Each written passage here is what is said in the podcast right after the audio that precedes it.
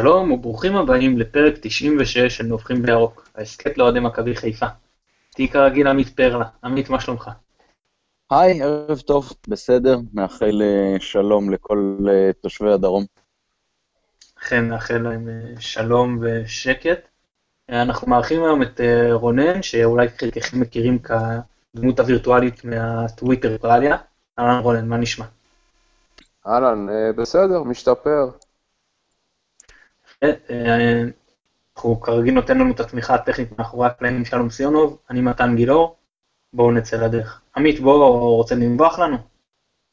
אה, נביחה קצרה בטח תתפתח לדיון בהמשך, אבל כל מי שחושב שאנחנו בפתחה של דרך חדשה, אז אני מאוד מקווה שאני אתבדה ואכן הדרך היא חדשה, אבל לדעתי מה שהיה הוא שיהיה.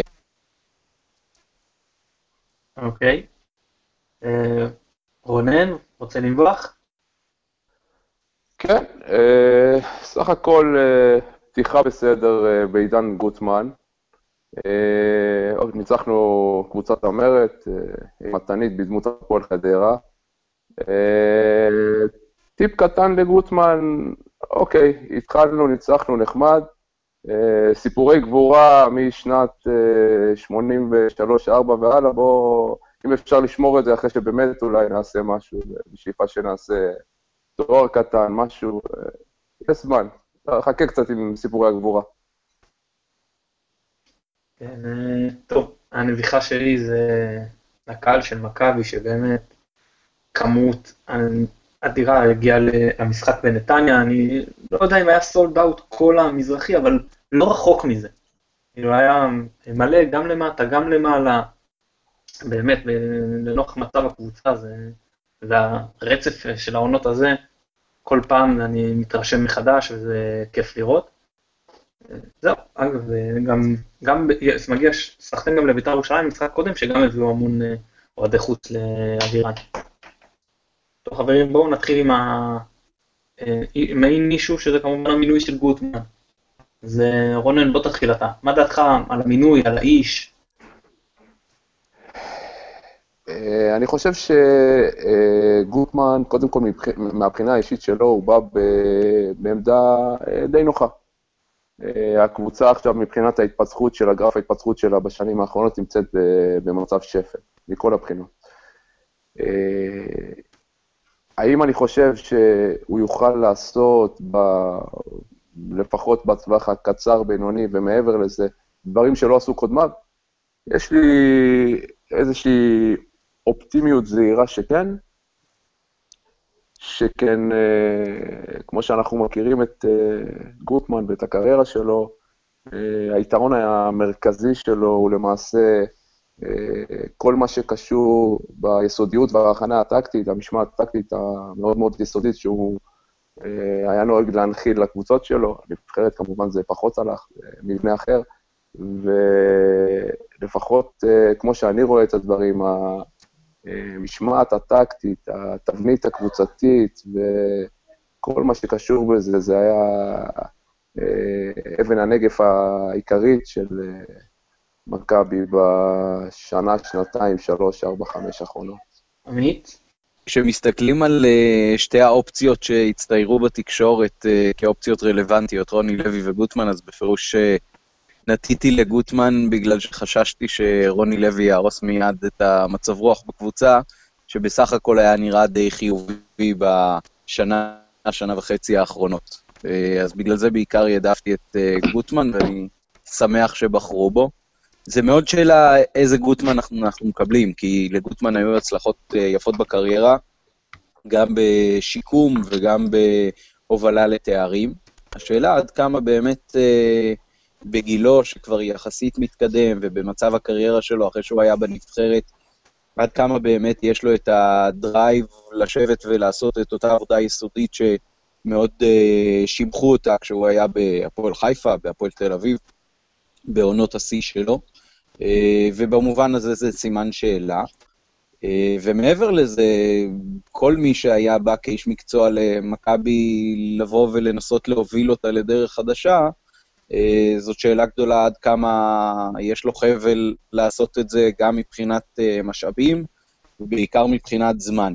כי מי שמצפה להוקוס פוקוס, אה, בדרך כלל אה, מתאכזב בסופו של דבר, וגם אנחנו כבר למודי אכזבות מכל מיני שינויי כיוון ומהפכות למיניהן. אה, אני חושב שכן, גוטמן יש לו את היתרון של היכרות מאוד מעמיקה עם כל מה שקורה בכדורגל הישראלי, היכרות עמוקה עם ינקלה שחר עצמו, אה, עם הרחוב החיפאי, עם התקשורת החיפאית, במובן הזה בפירוש יש לו יתרון. אם הוא יצליח ליצור איזשהו מומנטום חיובי במכבי, אז יכול להיות שהביטחון הזה יעזור בהמשך כדי באמת למצות את הפוטנציאל שלדעתי יש בקבוצה, אפילו בסגל הנוכחי שהוא יחסית רזה ביחס אה, גם לעונות הקודמות.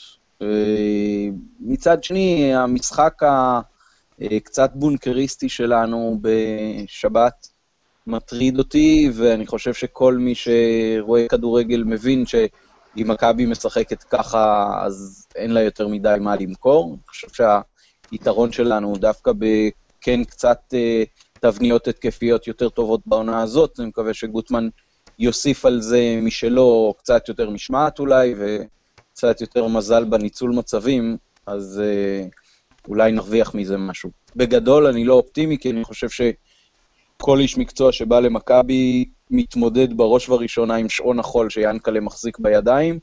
אה, יש מעט מאוד סבלנות אצל מי שעומד בראש המועדון, אז אי אפשר לצפות גם מהקהל ליותר סבלנות מזה. אה, ולכן, כשהכול אה, מתמקד בטווח הקצר, אז אולי אם יבוא איזשהו רכש מפוצץ בינואר ופתאום אה, יתחברו כמה דברים אז זה יצליח, אבל אני פסימי. אני אגיד לכם את דעתי. צריך, כשאני מסתכל אחורה על הקריירה של גוטמן, אז שני דברים מדאיגים אותי. אחד צריך לראות איך הקבוצות של גוטמן תפקדו, אני מסתכל רגע איך הם תפקדו כשהם היו כסוג של אנדרדוג, ואיך הם תפקדו כשהם היו פייבוריטים. אז הפועל לא התחילו את העונה, אני מזכיר לכם, בתור איזה פייבוריטים ולא מסומנים. ובאמת, זה התחבר להם עם המומנטום, ואנחנו היינו שלוש נקודות מהם כשהאווירון אה, יצא לאירופה. ואחרי זה, הוא הלך לביתר ירושלים, כן היו פייבוריטים. אני רק מזכיר, אחרי זה אני אסביר למה אני אומר את זה. בהפועל תל אביב, אז uh, בעונות, uh, נגיד 2008-2009, הם כמונו, הם היו קצת יותר פבוריטים מאיתנו, אבל עדיין בית"ר ירושלים הייתה הקבוצה שסומנה. Uh, עונה אחרי זה, אנחנו והם סומנו, ועונה אחר כך שוב הם היו כאילו הפבוריטים הגדולים, עם, כשהם עוד הפילו לליגת אלופות. בסדר? עכשיו אני מסביר. קודם כל אני רוצה להתייחס לעניין, לפן הבריאותי. כשגוטמן בא לקבוצה עם הרבה לחץ, שהיא גם פייבוריטית וגם גדולה, בית"ר ירושלים היה עם אירוע לב, הפועל תל אביב, אירוע לב. עכשיו, אחד, יש פה חשש, בן אדם הוא לא צעיר, הוא בן 60, הבריאות שלו, לפי העבר אנחנו יודעים שהיא קצת מעורערת, אז זה אחד לשלומו, כאילו יש פה איזושהי חשש לגוטמן. שתיים, מכבי, איך, איך מכבי תסתדר עכשיו אם פתאום שוב קורה משהו בסגנון. אני מזכיר שגם בפעם האחרונה שהוא היה בהפועל תל אביב, אמנם הם לא היו פיבוריטים, אבל כן היה לחץ, וכן באיזשהו שלב גוטמן אה, ויתר. זה לא היה רק באיזה שלב. זה גם לא שהוא לקח אחריות והתפטר. הוא אמר, הוא, הוא כאילו עבר להיות בתפקיד אחר של מנהל מקצועי, פינה את התפקיד לאיתי לוזון שרק הגיע, לפני דרבי שהם קיבלו שם חמישייה. זה, זה נראה מאוד לא טוב. זה מהפן הבריאותי. עכשיו גם מהפן, כשאני מסתכל מהפן המקצועי. כשהיה פחות לחץ, שוב, אני חוזר על הפועל, הפועל תל אביב בהתחלה, זה היה אה, נראה טוב. גם הפועל תל אביב, בעונת הקיזוז הראשונה, הם התחילו פחות טוב, כבר דיברו על זה שהאליפות סגורה אצלנו, הלחץ ירד, ואז הם עשו את הקאמבק. גם באירופה היה להם פחות לחץ והם נראו טוב איתו. אבל כשהיה הלחץ עליהם, כשהם סומנו כפייבוריטים, כשהוא סומן כפייבוריט, גם בבית"ר ירושלים, גם בהפועל תל אביב, הקבוצות שלו לא החזיקו.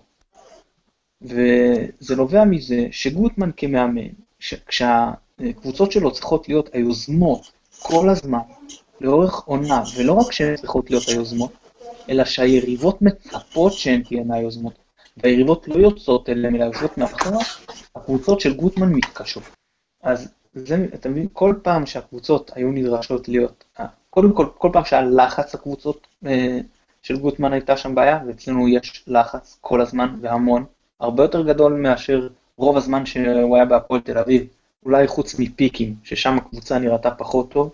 לפי לחזור, אני רוצה לחזור בכוונה ל-2010-2011, הם מנצחים אותנו 4-1, עולים למקום ראשון, קטן עם הגב יוצא החוצה, כאילו האליפות הייתה נראה, נראית שלהם סגורה.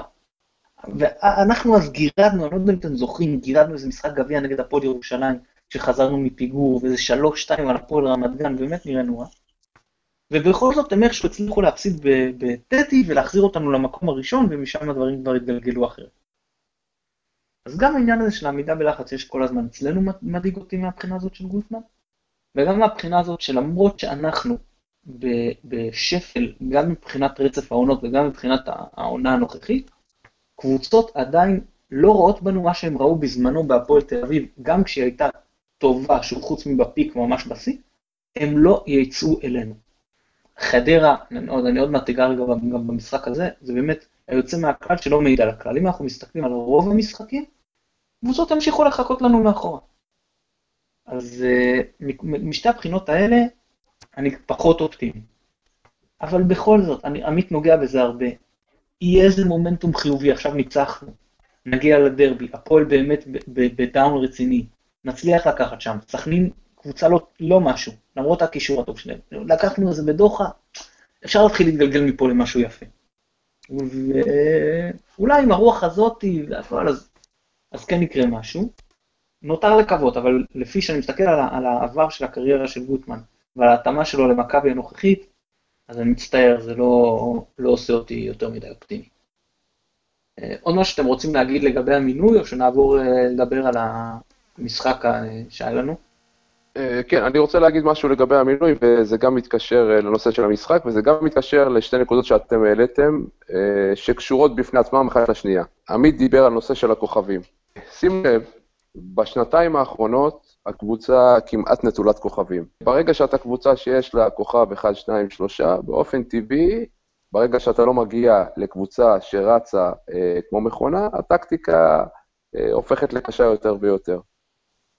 נכון לכרגע, כדי לסדר את אותם שחקנים, ושחקנים טובים, אבל לא כוכבים, אתה משווע יכולת שלו להנחיל לקבוצה טקטיקה, ופה זה משהו שיכול לעבוד.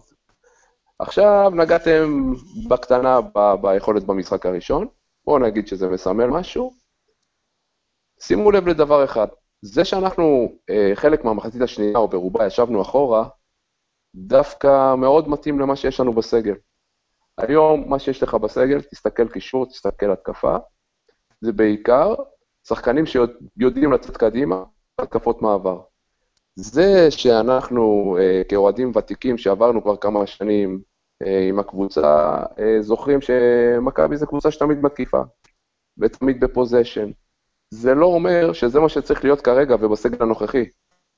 לפעמים לרדת אחורה, לחכות, אני לא אומר להכות, זה לא, אף, פעם אנחנו לא נהיה בטקטיקה של קבוצה קטנה, אבל לשבת אחורה, למשוך קצת את הקבוצה אה, לחצי שלך ולצאת קדימה, כי זה חומר השחקנים שיש לך כרגע, אני לא רואה בזה דבר אה, פסול. להפך, רמה טקטית די גבוהה לגרום לקבוצה לעשות את זה, ויש אה, קבוצות בליגה שמצטיינות בזה, ואם אנחנו נסגל שיטת משחק כזאת בלי להחזיק מעל 60% פוזיישן בכדור, מבחינתי זה לא אסון גדול, כמובן, כל עוד עושים את זה בצורה טובה ומנצחים משחקים. תראה, נגענו לפני המשחק אה, עם חדרה, אני אמרתי לעמי, שהם קבוצה הכי לא צפויה בליגה מבחינתי, כי הם, חלק מהמשחקים הם ישבו מאחורה, נגיד המשחק שלהם בדוחה, שהם ממש נתנו לסכנין לבוא אליהם ויצאו למתפרצות, ובחלק הם אה, מנסים להיות דומיננטיים ולשלוט במשחק, כמו שהם עשו למשל נגדהם. ואז באמת זה עבד. אי אפשר להגיד ששיחקנו, אה, אני לא מסכים עם עמית שהוא אמר הבונקרי, זה אולי, אולי לקראת הסוף, כי באמת חזרנו לבעיה המנטלית שיש לקבוצה במחציות השניות כשמתקרבים לשלבי ההכרעה של המשחק, ואז משהו שם באמת, השחקנים בפאניקה. ובלי קשר אגב לתוצאה, הם בפאניקה, אולי כש, כשהם לא מובילים אז פחות, אבל כשהם מובילים הם בפאניקה. ו... אז זה באמת משחק שידעת שיש פה קבוצה שיודעת לעשות את זה. להגיד לך שתבוא לדרבי, ושוב אתה תנרצה לשחק על התקפות מעבר, והפועל תצא לך עם לחץ גבוה, עם, עם הגנה גבוהה, עם קישור ש, שמפעיל שלושה שחקנים על ה, לא רק על האמצע, אפילו אה, לתוך השטח שלך. אני, אני, אני אגיד לך את האמת, אני לא רואה את זה קורה. ואז לבוא ולשחק על המהירות של רוקאביצה והשטחים שהוא מפנה לעווד, או על הדריבל של אה, סומה בשטחים, אני רואה את זה פחות מוצלח, זה, זה פחות אה, מעודד אותי מהבחינה הזאת. זאת אומרת, אה, אתה מבין מה אני אומר? כנ"ל, כנ"ל תבוא לדוחה, ואז הם יעלו לך באמצע, עם, סתם דוגמה, עם רדי וקלאודימיר פררה, ונו, ברח לי שמו של המוצב הסדרתי שלהם, נו, חלילה. חלילה. ושחקו שלושתם רק 30 מטר מהשער שלהם. אז נכון שעל פניו, אתה, אתה אומר, רגע, גם אני אשב נמוך, אין להם בעיה, הם ישחקו איתך ל-0-0. אז ל, ל, לבוא ולהגיד, ברמת העיקרון, להגיד יש לי כלים יותר להתקפות מעבר, בוא נלך לכיוון הזה, זה מצוין במשחקים שאתה יכול לעשות את זה, כמו נגד חדר. אבל על פי רוב לבנות על זה את השיטה של הקבוצה, אני פשוט לא רואה את היריבות שלנו, קבוצות כמו סכנין, כמו הפועל, כמו אשדוד, כמו בני יהודה, לרעננה. הם, לא, הם כאילו לא ישתפו עם זה פעולה. הם ישבו כמוך מאחורה, יתקיפו עם מעט שחקנים ויזרמו ל-0-0. אפשר להגיד שהם משחקים ככה ולוקחים סיכונים יותר גדולים בחלק השני של המשחק, אני לא פוסל את זה, אבל גם אז תצטרך להיות דומיננטי. כן, מול קבוצות כמו נתניה, חדרה, אמ, בטח מכבי תל אביב או הפועל באר שבע, אז, אז בוודאי ששם זה כן יכול להיות אה, נכון לשחק ככה. אני לא, שוב, אני לא פוסל את זה כמשהו אה, נקודתי, כמו שמולינסטין אה, למשל בזמנו השתמש בזה במשחקים נקודתיים, אבל להשתמש בזה כפרדיגמה, כאילו קבועה, אני קשה לי לראות את זה עובד, הלוואי, אבל קשה לראות את זה עובד. אני אוסיף על זה שתי נקודות, uh, מעבר לזה שבאמת בהרבה מאוד משחקים זה שיטת משחק שגם אם נרצה לכפות על היריבה, יש יותר סיכוי שהיא תכפה עלינו את ההפך. Uh, אני לא חושב שאנחנו קבוצה הגנתית מספיק טובה, uh, בטח לא מבחינת הביטחון ההגנתי שמשרים כרגע סדרת uh, בלמים והשוער אחד על השני. Uh, ומכבי להווייתה היא, היא לא טובה הגנתית. זה לא שעד עכשיו הייתה לנו בעיה בניצול מצבים בהתקפה, אבל בהגנה היינו סבבה. אה, אני לא חושב גם שרוב הגולים שחטפנו היו בגלל איזושהי הפקרות הגנתית. פשוט לא מספיק טובים בעניין הזה, וזה משהו ש, שלוקח זמן להנחיל אותו. דווקא במובן הזה, רוני לוי במחצית השנייה של העונה שלו עם אה, פירס, עשה את זה לא רע, וככה אפילו גם אה, בגביע, אבל uh, עוד פעם, כשיטת משחק זה יהיה מאוד מאוד מורכב, וכשאחוז הניצול מצבים שלנו הוא לא טוב, אז אולי כדאי להעלות את מספר המצבים כדי שכן יהיה איזה גול או שניים במשחק, ודווקא בשבת הזאת היה, היה כאילו אחלה מהבחינה הזאת, שגם הצלחנו להבקיע שער מוקדם וגם שער אחד על החצי. אבל uh, עוד פעם, לבנות על זה את המשחק שלנו יהיה מאוד מאוד קשה, וזה גם צורת משחק שרק uh, תגביר את הלחץ מכיוון הקהל על גוטמן uh, יותר מוקדם ממאוחר.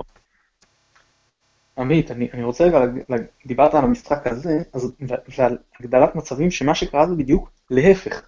בניגוד לבדרך כלל, שהגענו להרבה מצבים ולא ידענו לנצל, הפעם הגענו למעט מצבים וניצלנו מעולה. כאילו, כן, חוץ נכון. מצב טוב של רוקאביצה או משהו כזה, לא היה לנו, לא הרגשת כמו נגד במחצית הראשונה של בית"ר ירושלים, או, או נגד פתח תקווה, זה שהרגשת שאתה עושה להם בליץ, והכדור לא נכנס. לא הרגשת את זה פה. לגמרי, מאוד נכון, וזה באמת אה, הבליט את זה שהמקום של הוואד אולי באמת אה, יותר בשפיץ ופחות בצד. זהו, אז, אז מי, אני, כשאני מסתכל על הקבוצה, תראה, קראמר, אנחנו קשה לנו עוד לעמוד אותו מבחינת היכולת הפקעה, כי הוא באמת שיחק מעט, אבל, אבל בוא נניח שכרגע היכולת שלו לא, לא מצדיקה, ווייסמן עם כל הכבוד, וגם עם השער שלו נגד uh, בית"ר ירושלים, דעתי לא שם. ואז אתה מסתכל מי שני הגולרים שלי בהרכב, אז זה עבד ורוקאביצה, וזה כשאני שם אותם באמצע, שזה מתאים להתקפות מעבר, כמו שרונן uh, אמר, אז אני באמת יכול להרשות לעצמי להגיע לפחות מצבים, ולתת, שכן, מה שאני כן מגיע, זה יהיה שני הסקורים שלי באמצע, במקומות ש, שטובים להם, שנוחים להם. לא שרוקאביצה מהאגף, ולא שעווד מהאגף השני. אז מהבחינה הזאת, אני שוב חוזר, זה ההצעה של פרליה, סליחה, היא כאילו, אה, כאילו טובה. אבל שוב, השאלה היא באמת איך אנחנו יכולים ליישם את זה בכל המשחקים. עכשיו גוטמן באמת שינה לפחות מהבחינה הזאת את מה שרוטן אה, ניסה, שרוטן הלך מאוד מאוד קבוע, מאוד אה, שיטתי, מתודי, ופה גוטמן לא עשה התאמה ספציפית למשחק הזה. אנחנו לא יודעים אם הוא ימשיך איתה, אבל נכון לעכשיו זה היה ספציפית למשחק הזה, וזה כן עבד. הגענו מעט מצבים, אבל שאנחנו יודעים שאתה מגיע עם אה, עווד מול שוער, רוקאביצה מול שוער, הסיכוי שלך לכבוש הוא יותר טוב. זהו, אז זה מהבחינה הזאת עבד. אה, ואני חוזר איתכם רגע לבעיה המנטלית, מה, מה, מה גוטמן יכול בכלל אה, לעשות? הקבוצה עובדת מחצית שלמה, נראית טוב, ראינו את זה גם אצל אה, רוטן, מובילה, ומגיעים למחצית השנייה, קורסים, כאילו ברמה של... נכון שעכשיו חדרה לא הגיעו נגדנו להרבה מצבים, אבל גם רעננה אז בזמנו לא הגיעו לנו להרבה מצבים עד ההשמטה של חיימו, אבל זה לא משנה, אתה, אתה נותן להם את, את, את ההזדמנויות האלה, הקבוצה מפסיקה לסכן את השער של היריבה, התקפות מעבר נראות ברמה, אם דיברנו על התקפות מעבר, אז במחצית השנייה נראה, זה נראה ברמה מאוד נמוכה. מה יש לעשות? מה, פסיכולוג ספורט? איך, איך פותרים את הדבר הזה? אה, אני אגיד לך את דעתי. במקביל לזה שהקבוצה שיחקה כדורגל אה, רוב המשחקים אה, ברמה מאוד ירודה בזמן האחרון, יש תופעה שמאוד מאוד בלטה והתקדמה עם השנים, שזה ירידה חדה ביכולת ההרתעה שלה. אה, שהרי ברגע שאתה קבוצה שרצה ומנצחת משחקים, יש לך איזשהו יתרון גם בימים לא טובים, וזה שאתה קבוצה מרתיעה. ולפעמים יכול לבוא לידי ביטוי בזה שאתה עולה עם uh, מין uh, יתרון מטאפורי של uh, חצי אפס למגרש, אוקיי? מה שקרה בזמן האחרון זה בדיוק תהליך הפוך. לא רק שאתה לא נהיית קבוצה שהיא לא מרתיעה, אתה נהיית קבוצה ש... שקל לשחק נגדה וכיף לשחק נגדה כשאתה מתמודד בצד השני. ולנסות להחזיר את כוח ההרתעה של מה שאנחנו היינו רגילים, זה אין מה לעשות, זה רק דרך ניצחונות ורק דרך סדרה טובה, ואתה נוגע פה בפן המנטלי, שזה אה, תופעה שאפשר אה, לדבר עליה עוד הרבה הרבה הרבה זמן, אה, האם נבחרו השחקנים הנכונים, האם המערכת עובדת טוב, האם המערכת יודעת, יודעת לטפל במשברים. אה, אבל לפני הפן המנטלי, זה להחזיר את כושר ההרתעה. ואין מה לעשות, אתה בטווח הקצר צריך להתרגל לזה שאתה לא הולך להיות קבוצה דומיננטית, בטח שלא בכל משחק. אתה צריך לגבש את הזהות שלך מבחינת שיטת משחק, ואם זה יצליח, אז uh, כושר ההרתעה והיכולת שלך להיות קבוצה דומיננטית יבוא בהמשך, אבל לא כרגע. אני רוצה לחבר משהו לעניין שאמרת, כושר הרתעה. בעונה הראשונה שלנו באבירן, כמעט בטוח שזה היה בעונה הראשונה, קריית שמונה ניצחו אותנו 3-1, הם הובילו 2-0, עידן ורד כבש, ואז ממש ישבנו עליהם, ובכר אמר שזה מאוד מאוד קשה לשחק נגד, האצטדיון הזה, הוא אומר, זה משהו ש... הוא אומר, אני מכיר את הקהל הזה, כי הוא ברק בכר אוהד שלנו מילדות. וזה היה לנו מאוד מאוד קשה שכל האצטדיון דחף אותם. אני הולך, רגע, שתי עונות קדימה למונסטין, אה, מכבי משחקת נגד סכנין, תיקו, אה, אנחנו כובשים, אני חושב דקל קינן, את ה-1-0 הם משווים, ויוסי אבוקסיס אומר, זה קשה מאוד לשחק נגד האצטדיון הזה, אני רק התפללתי שנצא מפה עם תיקו. בסוף אגב הם ניצחו, אני חושב דקה 86, הם כבשו את ה-2-1 וניצחו, אבל לא משנה, יוסי אבוקסיס אמר. עכשיו, אני את האנרגיות האלה באצטדיון כבר לא מרגיש, ואני מניח שגם היריבות כבר לא מרגישות, זה חלק ממה שאמרת להרתעה. כשיגיעו הרצף, שיגיע בתקווה הרצף ניצחונות הזה, אז אולי גם הדחיפה מהקהל תהיה כזאתי שבאמת תשפיע על, ה, על היריבה. כאילו באמת שהיריבה תבוא, אתה לא מרגיש שהיריבות באות ומתפללות רק לצאת מפה עם תיקו.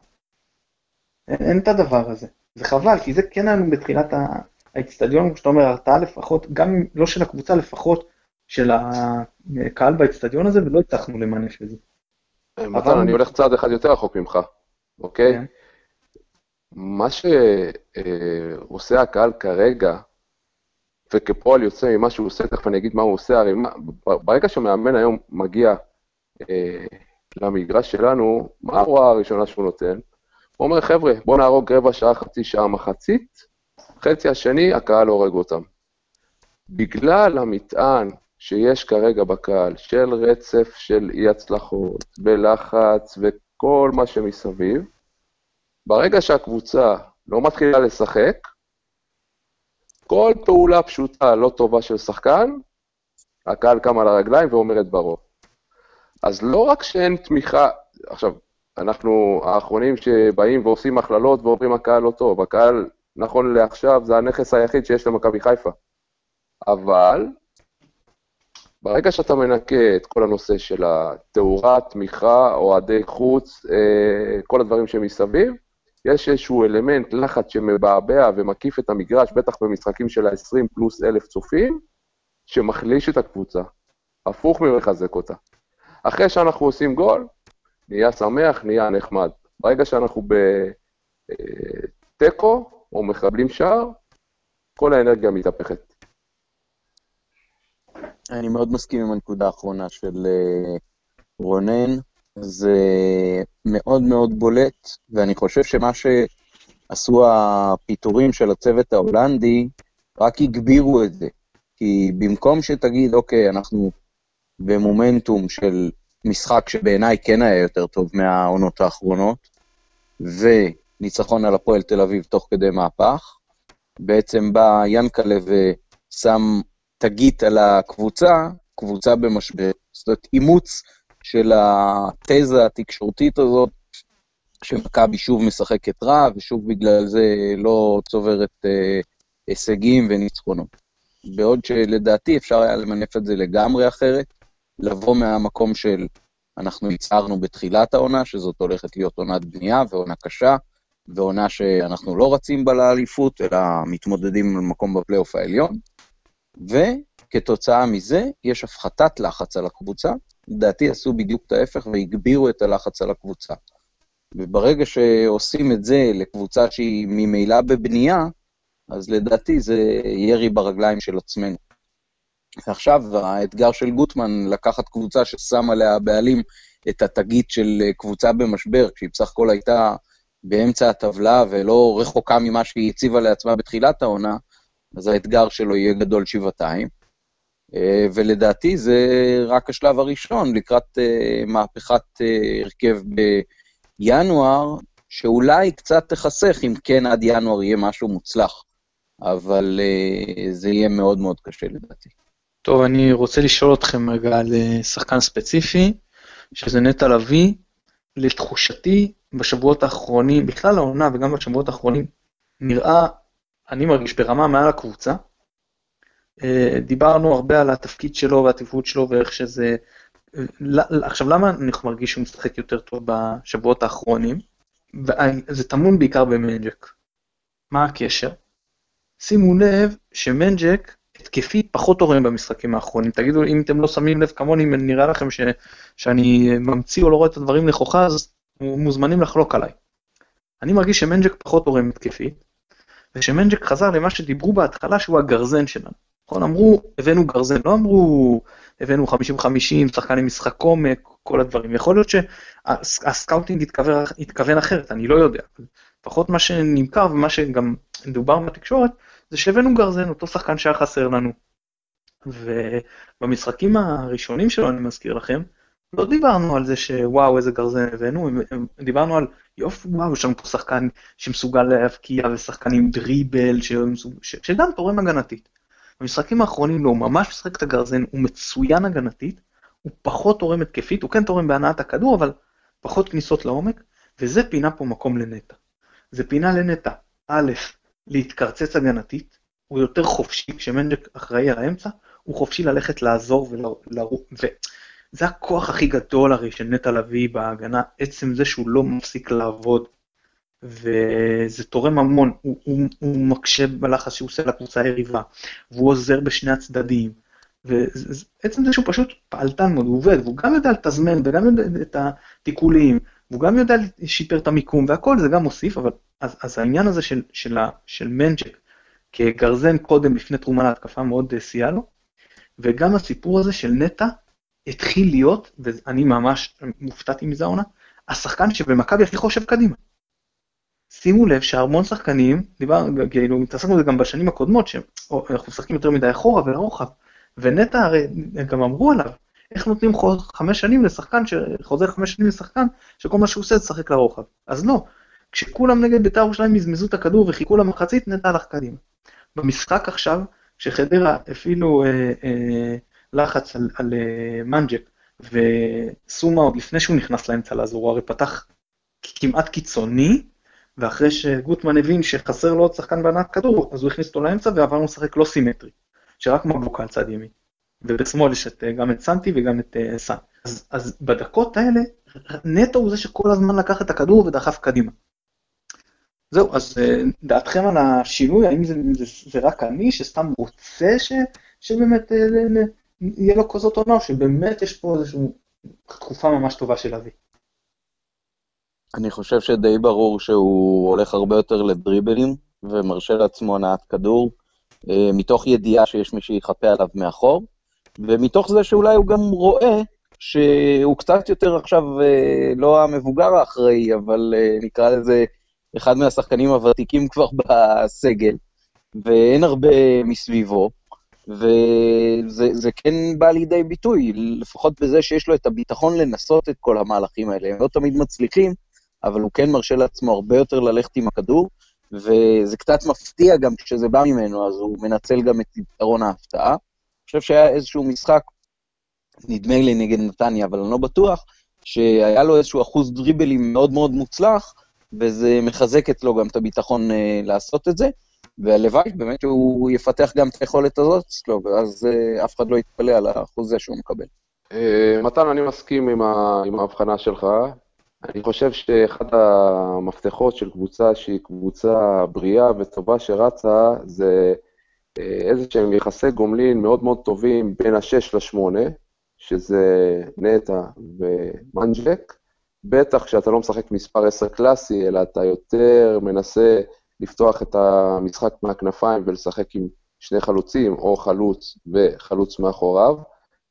אה, היחסים האלה בעצם, אה, וכמה שהם ישחקו יותר אחד עם השני, אני מאמין שזה ישתפר, אה, בלי הרבה תנודות בהרכב, בעצם קובעים את התבנית הבסיסית שבה אחד משניהם משחק את האחורי והשני חופשי לצאת קדימה, ולחליפין. זה איזושהי יכולת שמתפתחת על ידי, א', ההבנה ביניהם אחד לשני, וב', כל המערך הקבוצתי, שבעצם uh, מתבסס על משחק כנפיים עם הצטרפות של אחד לקישור לשני החלוצים. קו שני. אוקיי, שאלה אחרונה שאני רוצה להיום, אם יהיה לכם משהו להגיד לפני שנסיים, אז הפרסומים שאנחנו כמובן לא יודעים מה אמינותם, מדברים על אה, הרצון בינואר, כבר עכשיו, להחליף את אה, קראמר, בסדר? והשם השני שעלה זה ריינן. אז אני רוצה להתחיל ממך רונן, מה, מה דעתך, באמת, אה, כאילו, יש לנו בסגל את דו סנטוס, חבשי וגרשון, מיותר להחזיק גם את ריינן, לשחרר אותו ולהביא זר במקום? אה, בואו נתחיל דווקא מקרמר ונעבור לריינן. פרט לעובדה שאני באמת לא זוכר אה, איזשהו תשע דומיננטי שהחזיק לאורך זמן בזמן האחרון, אולי תגידו קצת פה ושם פלט. אה, מה שיותר הפריע לי בהופעות שכן עשה קרמר זה איזשהו... קצת, לא רואים ממנו מחויבות, לא רואים ממנו שייכות, אני רואה איזשהו מקום של אה, מישהו שבא להעביר קצת זמן פה, לנסות לראות, אולי אני אקבל איזה קרוס מפה, הגבהה משם, לעשות איזה עונה של אה, כמה גולים ולחזור הביתה. לא, לא, מפריע לי. חוץ מזה שאני לא חושב שמשחק האגפים, סלאש הגבהות שלנו כזה מבריק, שאנחנו צריכים איזשהו תשע. ככה שאני הרבה יותר שקט עם אה, סגנון של חלוץ, כמו שיש לנו, לנו כרגע ב, בהרכב. עכשיו אתה שואל לגבי ריינל. תראה, יש פה שאלה נורא מעניינת. הסגל שנבנה בשנתיים האחרונות, אני ראיתי איזשהו פוטנציאל מאוד מאוד טוב uh, לשחק 3-5-2. ואז ברגע שאתה משחק בשיטה הזאת, אתה לא יכול להסתפק בפחות מארבעה בלמים. עכשיו, מכיוון שאנחנו יודעים שגוטמן לא ישחק ככה, כי הוא הרי הוא חסיד נלהב של 4-4-2, אתה נמצא במצב של, בפוטנציה, נקה רגע פציעות והרחקות וכאלה, יש לך ארבעה בלמים, רק, רק אחד מהם משחק ברגל שמאל, והם די בגדול מתאימים אחד לשני. זה לא איזה שהם אה, בלמים טכניים שיכולים להתחיל, להתחיל משחק מאחורה, אה, זה יותר אה, בלמים שאמורים לכסות שטח, אם זה ימין ואם זה שמאל, ולעשות עבודה הגנתית נטו, בלמים פיזיים. אני חושב שכל ארבעת הבלמים עונים לשיטה הזאת. אז אני לא רואה איזושהי דחיפות גדולה בלשחרר אותו, כי אני לא חושב שיש איזה מציאות גדולות ש, שאנחנו צריכים לחכות להם ובשביל זה לשחרר ז"ל. מצד שני, אני לא חושב שהוא הרבה יותר טוב או פחות טוב מהבלמים הקיימים, אז ממש אדיש בעניין שלו. אוקיי, עמית, רוצה לחוות דעה בנושא? אה, קרמר נראה די שרוף, אה, העובדה שהוא לא היה בכלל בסגל אה, במשחק האחרון, יחד עם שפת הגוף המאוד לא מעורבת שלו, בלשון המעטה, במשחקים שהוא כן זכה להזדמנות, היא כזאת שלדעתי הוא ממש כבר יותר בשלבי המשא ומתן על הפיצוי שהוא יקבל, ופחות באימונים של מכבי. למרות שעוד פעם, זה חלוץ שלא באמת uh, עד הסוף אנחנו יכולים לטעות על קנקנו ועל עד כמה הוא יכול uh, להועיל לנו, אבל באמת שפת הגוף פה לדעתי מכריעה יותר מהעובדה שהוא לא הצליח לכבוש. Uh, לגבי ריינן, זה באמת שאלה של עד כמה הולכים למהפכה בסגל כבר עכשיו בינואר. אין ספק שהרבה יותר קל לשחרר זר, כי אז פוטנציאל הזרים שאתה יכול להביא הוא אינסופי, לעומת uh, הישראלים שהמספר שלהם uh, הוא מוגבל. אה, ולמכבי מעבר לשמות שמנית יש גם את אה, עופרי ארד, שאם הוא בסגל של הבוגרים העונה, אז הוא לא אמור לה, להעביר את כולו בין הסגל הרחב לבין הספסל ולא לשחק בכלל. אז יכול להיות שאם זה ככה, אז באמת הזר שצריך לשחרר יחד עם קראמר זה ריינן עצמו, למרות שאני חייב להגיד שכאילו, אם זה הוא או דו סנטוס, יכול להיות שדו סנטוס יותר נכון לשחרר אותו, כי, כי ריינן, אני חושב, פותח התקפות קצת יותר טוב מדו סנטוס, לא פחות טוב ממנו בצד ההגנתי, ו- וכן נראה קצת מחובר לקבוצה. אה, אז במובן הזה, זה באמת אה, שאלה של עד כמה אתה תוכל להביא במקומו. אם זה להביא, לשחרר אותו ולהביא בלם אחר, אז בוודאי שלא. אם זה לשחרר אותו ולהביא מישהו שיכול להיות אה, מילוי מקום לעמדה שיותר חסרה לך בחלק הקדמי, מישהו שיכול להבקיע, אז אולי כן, אה, אם גם הוא וגם קראמר הולכים, אז זה באמת אה, שינוי משמעותי של אה, מצבת הזרים, זה שליש, וזה אולי שינוי משמעותי בכלל בהרכב שצפוי להיות כאן מינואר ואילך. טוב, אז אני אגיד שאני אני אקח את מה שעמית אמר לעומת רונן ואני אגביר את זה. אני כן חושב שראינו כן בצורה משמעותית יותר טכני ויותר מסוגל לעבור עם כדור קדימה לעומת אה, הבלמים האחרים. זה גם אה, גורם לזה שהקשרים צריכים פחות לבוא אחורה ולקחת את הכדור מהבלמים. אז אני מרגיש שאין פה הבדל גדול ברמה, כאילו, חבשי או דו סנטוס בנפרד, הם שניהם סך הכל טובים, ואפילו מעבר לזה. הבעיה היא שביחד זה לא עובד. ופה ריינן משתלב טוב איתם. א', הוא מצוין בגובה, שבזה שניהם פחות uh, טובים, פיזיים מאוד.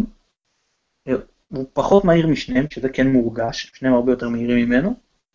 ואני שם רגע את גרשון בצד, כרגע הוא פצוע. והוא uh, הרבה יותר טכני. מבחינה הזאת אני כן רואה הרבה תועלת בלהשאיר את, את ריינן, פשוט כי השילוב איתו מצוין. גם גרשון לא טכני מי יודע כמה, הוא יותר בלם בסגנון של דו סנטוס. זהו, עכשיו, אה, אז אני לא הייתי מהר לשחרר את אה, ריינן, אני כן חושב אפילו שאני הייתי פותח איתו. האם על חשבון דו סנטוס, האם על חשבון חבשי? אני לא בטוח. יכול, יכול להיות שאם אנחנו חושבים שחייבים לשחרר בלם זר, הייתי משחרר את אה, דו סנטוס, נשאר עם חבשי וריינן. אם אני אומר שבכלל לאו הכי יש לי שישה זרים, ועד שאני אביא עוד אחד, אז כרגע כמה שרוף, אז אני יכול לפתוח עם שני בלמים זרים, יכול להיות שריינן ודו סנטוס זה כן השילוב הנכון בשבילנו. בכל מקרה, אם הוא נשאר בסגל ולא משוחרר בינואר, אז בוודאי פרי ארד שגם ככה שרפנו לו חצי שנה קריטית מהקריירה וחבל, להשיל, אני כן תופס מהשחקן הזה, אני כן חושב שיש לו עתיד לתת במכבי, אבל כמו חבשי, שישתפשף יותר במקום אחר, ואז, ואז להחזיר.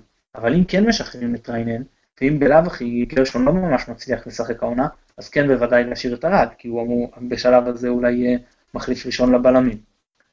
אה, מה שאני מאוד מאוד מקווה שגוטמן לא יעשה, זה יחזור על טעותו של לוזון. שזה לקחת את כל מי שמזוהה עם קודמי, ואותו להעיף, להגיד, קודם אני נפטר מאלה, לא משנה מה רמתן. בסדר? אה, אז, אז פה יש לנו נגיד את מבוקה דו סנטוס, שהם אה, לא מזוהים עם, כמובן עם, עם, עם הם, הם הם מתקופת לוזון, אז הם בטח לא מזוהים עם ההולנדים. מנג'ק בסדר, הוא ברמה מאוד מאוד גבוהה, אף אחד, אני לא מאמין שמישהו בכלל יעלה על דעתו להעביר אותו עם מכבי. סומה, שלא קיבל הזדמנות, אז הוא לא ממש מזוהה למרות שהוא מביא אותו, ואז נשארו לנו ריינן וקראמר. אני מקווה שריינן לפחות על הס... יישפט לפי יכולתו והתאמתו, ולא לפי אה, זהותו, או התגית שמישהו מסומן בה כמי הביא אותו לקבוצה מי הוא מזוהה. עוד משהו שאתם רוצים על כל העניין, או שאנחנו אה, עוברים להמר על אה, נבחרת ישראל הפעם?